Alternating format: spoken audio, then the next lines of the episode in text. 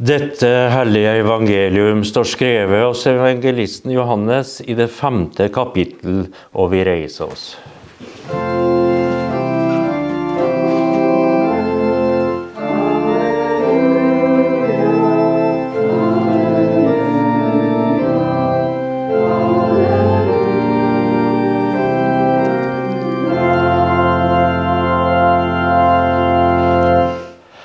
Etter dette kom en av jødenes høytider, og Jesus dro opp til Jerusalem.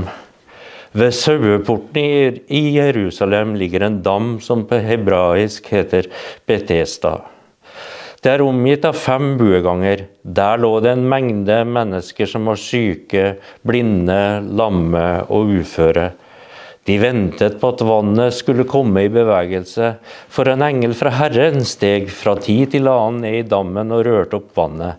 Den første som steg ned i dammen etter at vannet var blitt rørt opp, ble frisk, uansett hvilken sykdom han hadde. Det var en mann der som hadde vært syk i 38 år. Jesus så ham ligge der og visste at han hadde vært syk lenge, og sa til ham, 'Vil du bli frisk?' Den syke svarte, Herre, jeg har ingen som kan få meg ned i dammen når vannet blir rørt opp, og når jeg kommer fram, går alltid en annen uti før meg. Da sier Jesus til ham, Stå opp, ta båren din og gå. Straks ble mannen frisk, og han tok båren sin og gikk.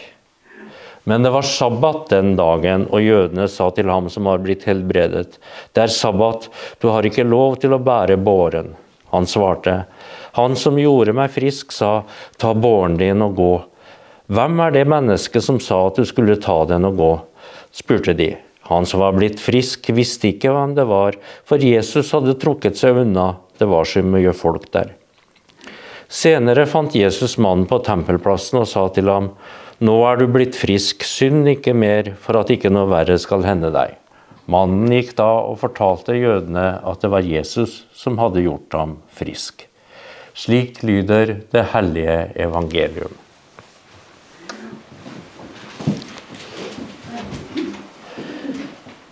Kjære menighet, livet er ikke bestandig lett.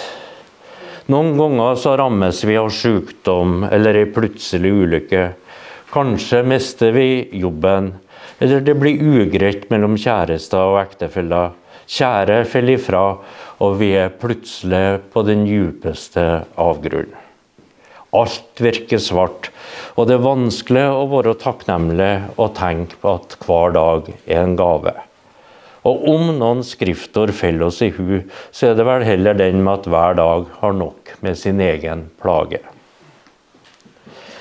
Tenker vi etter, så vet vi det godt. Ingen har lovt oss en dans på rosa, og ser vi på Facebook, så ser vi at mange har erfaringer med det vi kaller livets harde skole. Jo visst, livet er godt, men uten nedturer og kriser er det vel spørsmål om det egentlig er liv. Ser vi på Guds sønn, så får vi erfare at heller ikke han slapp skadefri gjennom livet. Livet hans var vakre og dype vennskap med Peter og de andre disiplene med Bibelens ulike Maria-skikkelser, og det var mange fantastiske øyeblikk der han virkelig brant seg inn i folks liv. Samtidig så var det bestandig surmulende skeptikere, formalister som i stedet for å glede seg over de mange tegn og under, heller så brudd på sabbatslovene og det som vær var. Der vi så en frigjører, så dem en farlig oppbygler. Der dem som nylig var helbreda, kjent på livskrafta av hans brennende kjærlighet, der så dem roten til opprør og uorden.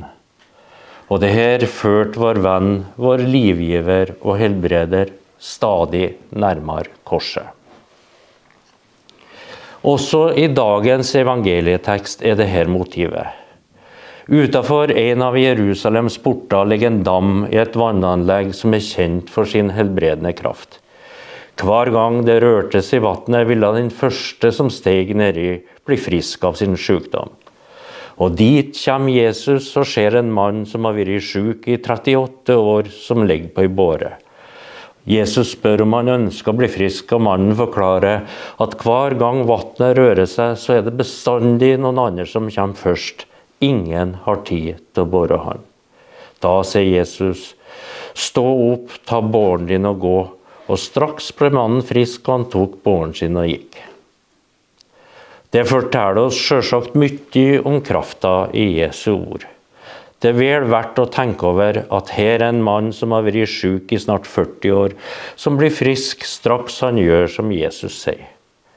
Senere i teksten så får vi vite at mannen ikke vet hvem Jesus er, og dermed kan vi nærmest utelukke at helbredelser kommer mer eller mindre som en slags placeboeffekt. Mannen som aldri har møtt Jesus og ikke vet hvem han er, han kan umulig ha noen forventninger om helbredelse. Men mannen møter ingen jubel over at han har blitt helbreda, fordi det var sabbat den, denne dagen, og jødene sa til ham som var blitt helbredet, det er sabbat, du har ikke lov til å bære båren.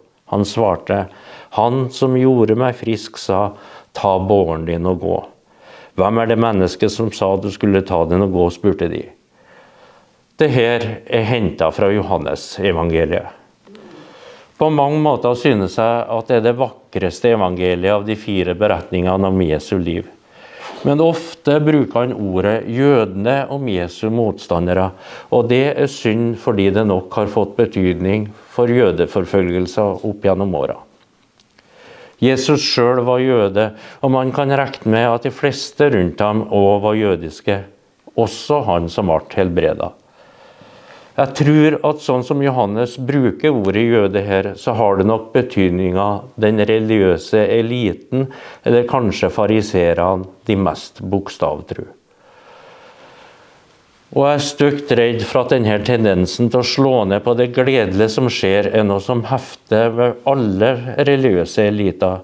Ikke bare da, men i alle religioner gjennom alle tider. Når ungjentene kom til presten etter å ha havna i ulykka, så var det nok ikke så vanlig å bli møtt med kjærlighet og omsorg for den trasige situasjonen de var kommet i. Altfor ofte forfeller religion til regelrytteri, og vi får fordømmelse og utstøtning i stedet for kjærlighet og velsignelse. Og det her er ikke noe spesielt med den kristne trua, men det er kanskje ekstra noe rart når vi er grunnlagt i trua rundt vår kjære Herre og Mester, som led den verste døden på korset nettopp på et sånt grunnlag. Av og til så kan det virke som vi har litt tungt for det noen ganger. Det vi i hvert fall trygt kan slå fast, er at beretninga om Jesus på ingen måte gir oss noen holdepunkter eller forsikringer om at livet er en dans på rosa. Sjøl opplagt gledelige ting som helbredelse kan snus til å bli noe forargelig og syndig. Dette gjelder så lenge vi lar oss fange i de små tankers vold. De som får oss til å vurdere og tenke smålig om hverandre. De som får oss til å fordømme hverandre og gjøre hverandre små. Det er den tankegangen som er opptatt av millimeterrettferdighet og snusfornuft. Den tankegangen som får oss til å si nei til å gjøre noe godt, fordi plutselig står hele Afrika på tunet vårt og vil inn på slektsgården vår. Alternativet er å vende om La oss bli rysta av kjærligheten til vår Herre og Mester. Ikke å krøke oss inn i våre små ego, men å oppdage at vi alle i bunn og grunn er ett. Forena i Han som gir liv og virker alt i alle. Oppgaven er å ikle oss Kristus og se verden og hverandre med hans øyne. Det er ikke så enkelt, for vi har god trening på å tenke meg og mitt. Mine rettigheter, mitt liv, skal ha, skal ha, skal ha. Og For å komme dit så må vi kanskje gjennom, gjennomleve noen kriser og bli rysta i vårt innerste og kjenne at hele tilværelsen står på spill. Og når vi plutselig står der, nærmest avkledd og forlatt, og alt vi trodde var bergsikkert og sant, smuldrer bort, da kanskje evner vi å se på nytt, orientere oss på nytt. Da ser vi at størst av alt er kjærligheten. Da ser vi at skatten er nåde og barmhjertighet. At svakhet blir vår styrke, og kanskje at død blir til liv. Salig er de som er fattige i ånden, for himmelriket er deres. Salig er de som sørger, for de skal trøstes. Salig er de ydmyke, for de skal arve jorden. Salig er de som hungrer og tørster etter rettferdigheten, for de skal mettes. Salige er de barmhjertige, for de skal få barmhjertighet. Salige er de rene av hjerte, for de skal se Gud. Salige er de som skaper fred, for de skal kalles Guds barn. Salige er de som blir forfulgt for rettferdighets skyld, for himmelriket er deres. Kanskje må det rystelser til for at vi skal komme til oss sjøl. Og med å komme til oss sjøl, så tenker jeg altså at vi kommer dit at vi ser verden med et stort sinn, med Jesus sinn, skapt som vi er i hans bilde og likskap. Og kommer vi dit, så kan vi kanskje istemme salmen Velsign Herren min sjel, alt som i meg er, velsign Hans hellige navn. Velsign Herren min sjel, glem ikke alt det gode Han gjør. Han tilgir all din skyld og leger alle dine sykdommer. Han frir deg, frir ditt liv fra graven og kroner deg med barmhjertighet og kjærlighet. Han metter ditt liv med det gode. Du blir ung igjen som ørn. Herren skaper rettferd. Han lar alle undertrykte få sin rett. Vi kan i hvert fall nære oss av disse ordene, og la oss alle slutte å be. Som vi hørte fra Jakobs brev. Er det noen blant dere som lider, da skal han be. Er noen glade til sinns, da skal han synge lovsanger. Et rettferdig menneskes bønn er virksom og utretter mye. La oss be om at Guds kjærlighet får gjennomsyre hverandre. Ære være Faderen og Sønnen og Den hellige ånd, som var, er og forblir én sann Gud fra evighet til evighet. Amen. Vår Far i himmelen. La navnet ditt helliges. La riket ditt komme. La viljen din skje på jorden slik som i himmelen. Gi oss i dag vårt daglige brød, og tilgi oss vår skyld, slik også vi tilgir våre skyldnere. Og la oss ikke komme i fristelse, men frels oss fra det onde. For riket er ditt, og makten og æren i evighet. Amen. Og Da minner jeg om at dagens offer går til egen menighet, og at det er mulighet til å gi ved hjelp av VIPS til nummer 13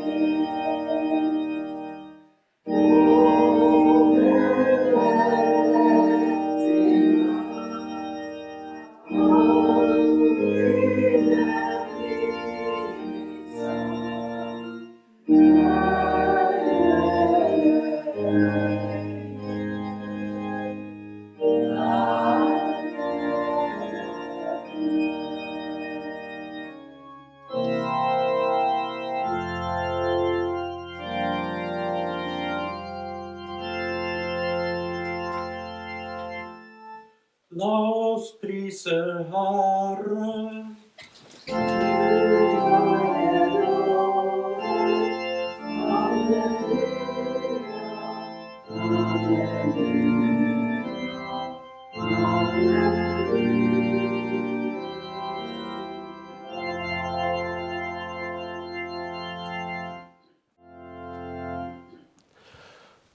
mellom datnem boresjogonete datnem varjele. Juppmele itse ordaine dytnien choka i datnjen armode. Juppmele itse ordaiam dovgoka i arkoe i dutnjen ræfiem vata. Herren velsigne deg og bevare deg. Herren la sitt ansikt lyse over deg og være deg nådig. Herren løfte sitt åsyn på deg og gi deg fred.